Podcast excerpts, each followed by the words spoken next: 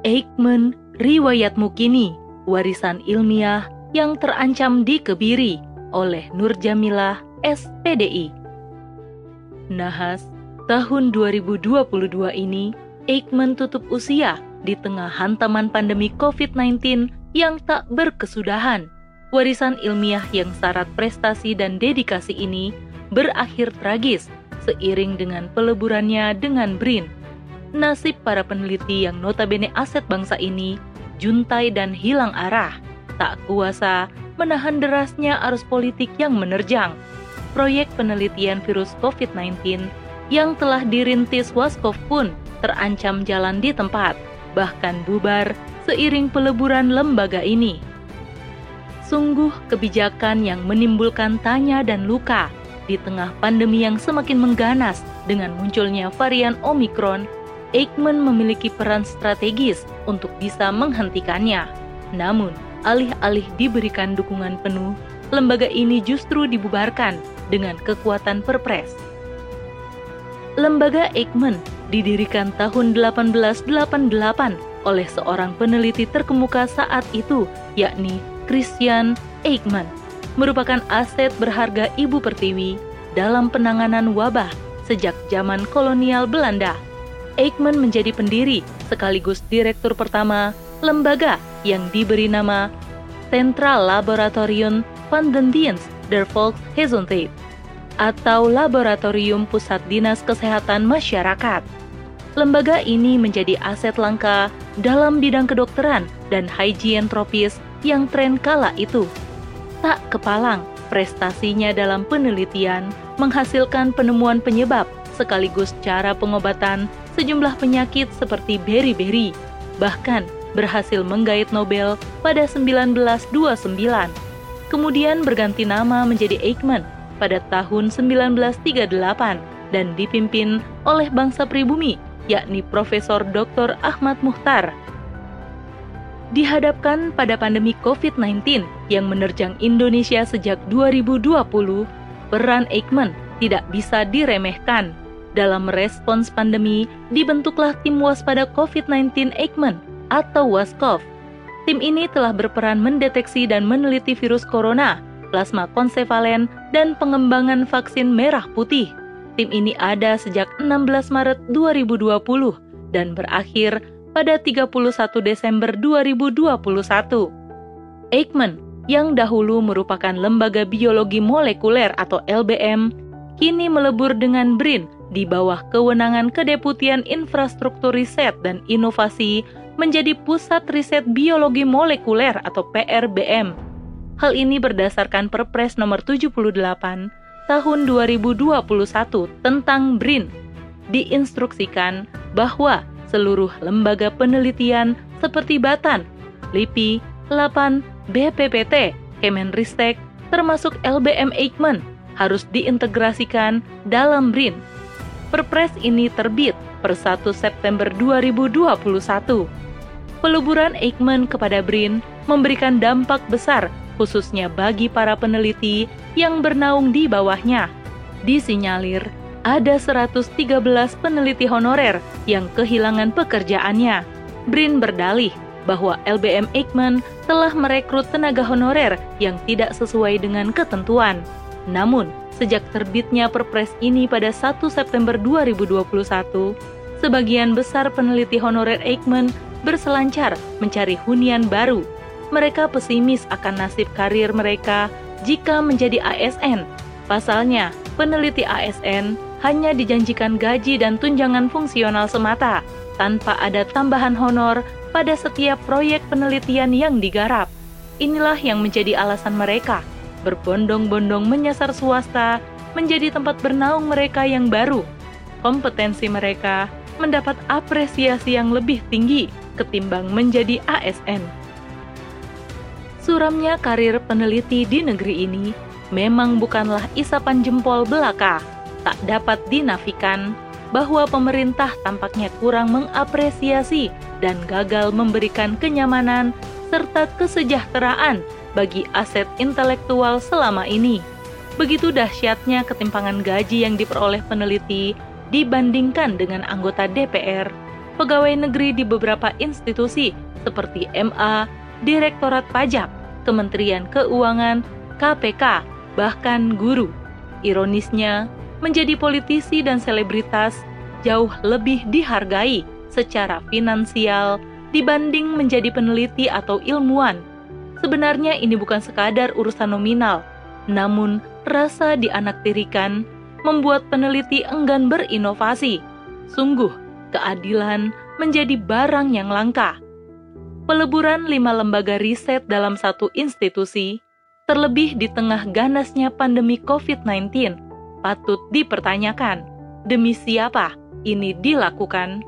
Tentu publik belum lupa bahwa pada tanggal 28 April 2021, Presiden Jokowi telah menerbitkan Perpres nomor 33 tahun 2021 tentang BRIN. Bahkan mendaulat Megawati Soekarno Putri sebagai ketua Dewan Pengarah BRIN. Tentu saja hal itu memicu pro kontra dari banyak kalangan. Pasalnya, background Mega yang seorang politisi dianggap tidak layak ada di posisi itu dalih yang dilontarkan cukup mengada-ada, yakni agar riset sejalan dengan ideologi Pancasila. Kebijakan ini berakibat fatal. Penempatan politikus di BRIN akan membuat lembaga riset ini terpolitisasi. Perebutan rente atas sumber-sumber dana penelitian menjadi hal yang tak terelakkan. Bukan hanya itu, kuat dugaan riset akan dijadikan justifikasi bagi kepentingan politik dari pihak yang berkuasa dengan dalih Pancasila atau demi kepentingan nasional. Padahal, seharusnya peneliti atau periset memiliki otonomi saintifik, bebas dari intervensi pihak mana pun. Selain intervensi politik, motif ekonomi pun tampak sangat mencolok pada kebijakan ini. Ini berdasarkan penuturan Kepala BRIN yang menyatakan bahwa BRIN akan memberikan dampak ekonomi dari berbagai riset dan inovasi yang dilakukan, sehingga mengundang investasi besar-besaran dari para kapitalis global dalam ranah iptek, khususnya yang berbasis biodiversitas dan sumber daya alam yang belum tereksplorasi. Bukankah ini nama lain dari kapitalisasi aset sumber daya alam negeri ini? Teknologi dijadikan pintu masuk bagi kapitalis untuk mengeksploitasi sumber daya alam negara berkembang, komersialisasi, penelitian berbasis investasi. Padahal, kemandirian teknologi akan menentukan kemandirian suatu bangsa. Jika secara pendanaan kita masih bergantung pada negara lain, sementara arah riset teknologi diarahkan hanya sebatas kepentingan politisi dan penguasa oligarki dengan capaian kapitalisasi modal, bukan kesejahteraan sosial. Maka, peleburan Eichmann ke dalam BRIN ini menjadi alarm peringatan bagi pengebirian terhadap warisan ilmiah di bumi pertiwi ini, sekaligus upaya mendegradasi independensi dan kepakaran para peneliti di Eichmann. Islam merupakan ideologi yang memiliki seperangkat aturan komprehensif, tak hanya mengatur urusan manusia dengan sang holik ataupun dirinya sendiri, bahkan juga mengatur urusan sesama manusia. Aturan Islam ini diterapkan secara holistik dalam suatu sistem pemerintahan yang dinamakan khilafah dengan sebutan bagi pemimpinnya yaitu khalifah. Khalifah memahami betul ajaran Islam dan menjadikannya sebagai landasan dalam memimpin negara. Tentu saja akan mengutamakan kebutuhan rakyat daripada kepentingan korporasi. Begitu pula dengan urusan riset dan teknologi, maka khilafah akan menunjuk seorang pakar untuk pemimpin lembaga ini, bukan politikus pragmatis. Berbagai penelitian akan dilakukan lembaga ini sesuai dengan kebutuhan masyarakat, baik itu dalam kondisi terdesak ataupun tidak. Seperti kondisi pandemi COVID-19 saat ini, maka negara akan memberikan dukungan moral dan material untuk meneliti virus untuk ditemukan obatnya. Pengelolaan dan lembaga riset diatur oleh negara, begitu pula dengan strategi riset baik dasar ataupun terapan. Juga penemuan teknologi harus berdasarkan paradigma Islam, yakni meningkatkan produksi sumber daya alam untuk dipergunakan sebesar-besarnya demi memenuhi kebutuhan masyarakat dan menyelesaikan persoalan yang dihadapi rakyat. Jadi, negara tak boleh hanya menjadi regulator semata. Riset yang dihasilkan harus memenuhi makosyid syariah, yakni memelihara jiwa, akal, agama, nasab, dan negara. Manfaat dari riset ini akan dinikmati oleh seluruh penduduk bumi.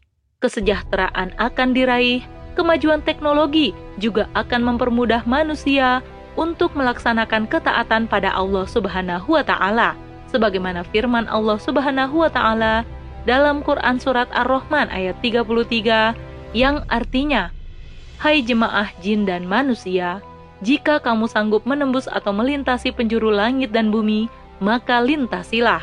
Kamu tidak dapat menembusnya melainkan dengan kekuatan. Lantas bagaimana dengan lembaga riset negara lembaga resmi ini semata-mata berfungsi dalam rangka melayani, bukan berbisnis. Mengapa? Karena lembaga ini merupakan bagian dari institusi negara. Komersialisasi inovasi dan produk teknologi sama sekali tidak diperkenankan dilakukan oleh lembaga riset ini. Sebab negara telah menganggarkan seluruh pembiayaan riset dari kas negara, tidak perlu mengemis investasi, berutang, apalagi memperjualbelikannya pada masyarakat. Bagaimana dengan nasib para peneliti Tentu saja, khilafah akan memberikan fee dan penghargaan yang pantas. Kompetensi mereka akan sangat diapresiasi karena mereka adalah aset negara yang strategis. Geliat riset akan terus bergelora, nyaris tak akan ditemui dalam khilafah. Warga negara cerdas yang belajar hanya untuk menjadi pekerja korporasi internasional karena mereka telah tercukupi kebutuhan dan ekspektasinya di negara khilafah maka wajar bila dalam ukiran sejarah khilafah mampu mencetak para peneliti dan ilmuwan andal yang hasil riset mereka menjadi dasar berkembangnya teknologi barat saat ini.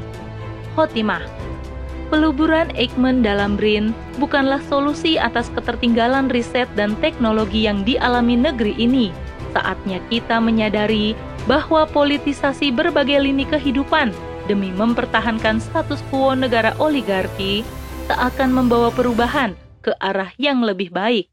Islam dengan khilafahnya telah terbukti selama 13 abad mampu menjadi mercusuar dunia dalam hal riset, teknologi, dan peradaban yang luhur yang mampu memancarkan rahmat bagi seluruh alam. Wallahu a'lam bishawab.